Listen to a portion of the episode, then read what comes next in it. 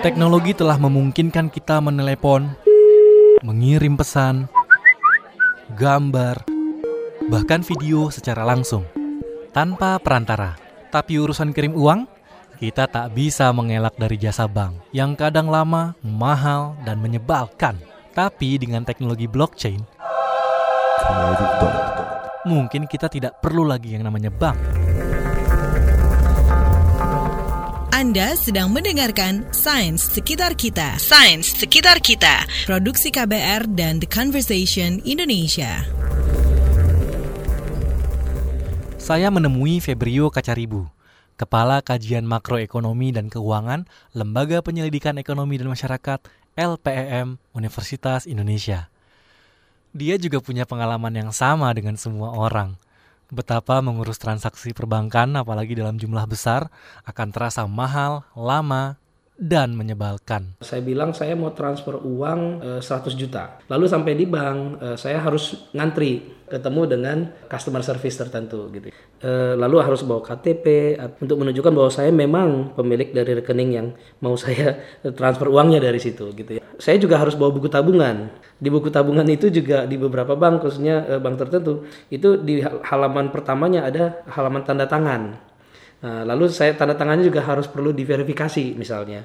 Lalu setelah for, proses verifikasi ini semua e, berjalan, baru kemudian saya ditanya mau transfer uang ke mana dan sebagainya. Lalu saya isi formulir. Bisa kadang-kadang malah saya harus benar-benar harus mengeluarkan waktu waktu sekitar setengah hari. Untuk verifikasi, bank perlu melihat semacam buku catatan. Buku catatan satu-satunya yang disimpan dan hanya boleh dilihat oleh bank itu sendiri. Inilah yang kemudian bisa dijungkir balikkan oleh teknologi blockchain. Teknologi blockchain ini adalah distribute, distributed ledger. Jadi pencatatan yang dilakukan oleh satu pihak, tapi e, pencatatan ini tidak disimpan di satu lokasi datanya, tapi disebar di network. E, semua orang akan punya e, data yang sama gitu kurang lebih.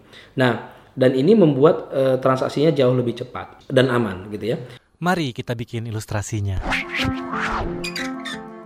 Saya misalnya punya uang digital sebesar 10 ribu yang kemudian saya transfer kepada Aris.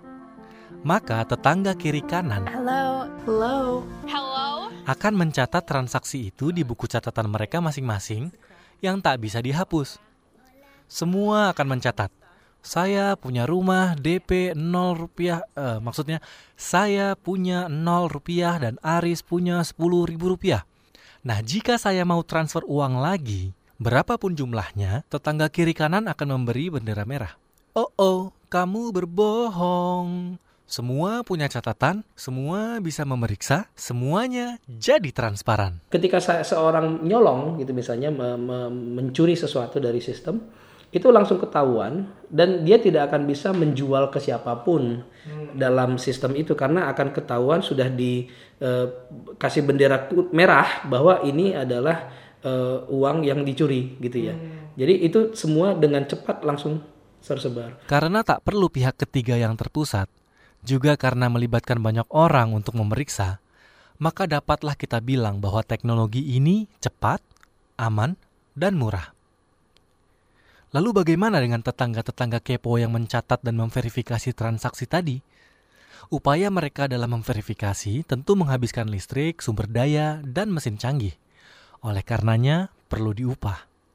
Inilah yang kemudian memunculkan apa yang disebut Bitcoin.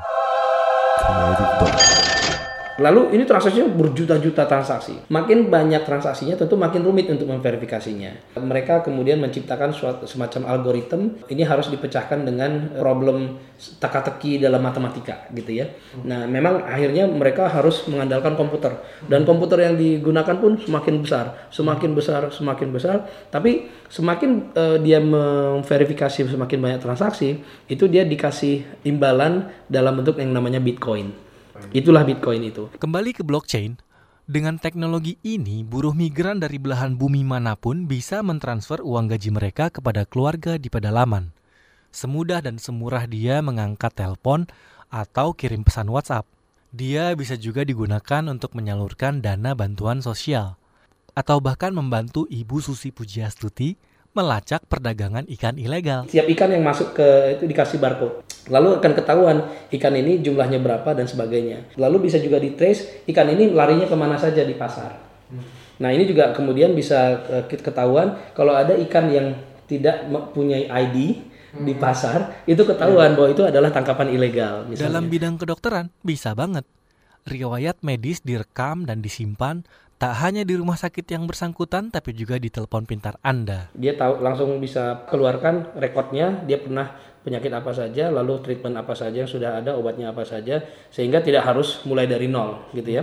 Atau bahkan lebih bagus lagi kalau di sistem ini juga eh, link antara satu rumah sakit dengan rumah sakit yang lain.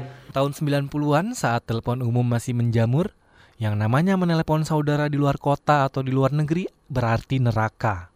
Detik per detiknya kita keringetan karena harganya kelewat mahal.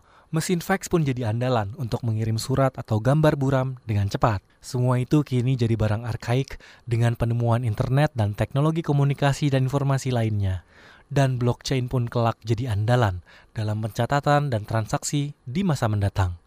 Maka, siap-siaplah berubah. Sains sekitar kita. Sains sekitar kita. Produksi KBR dan The Conversation Indonesia.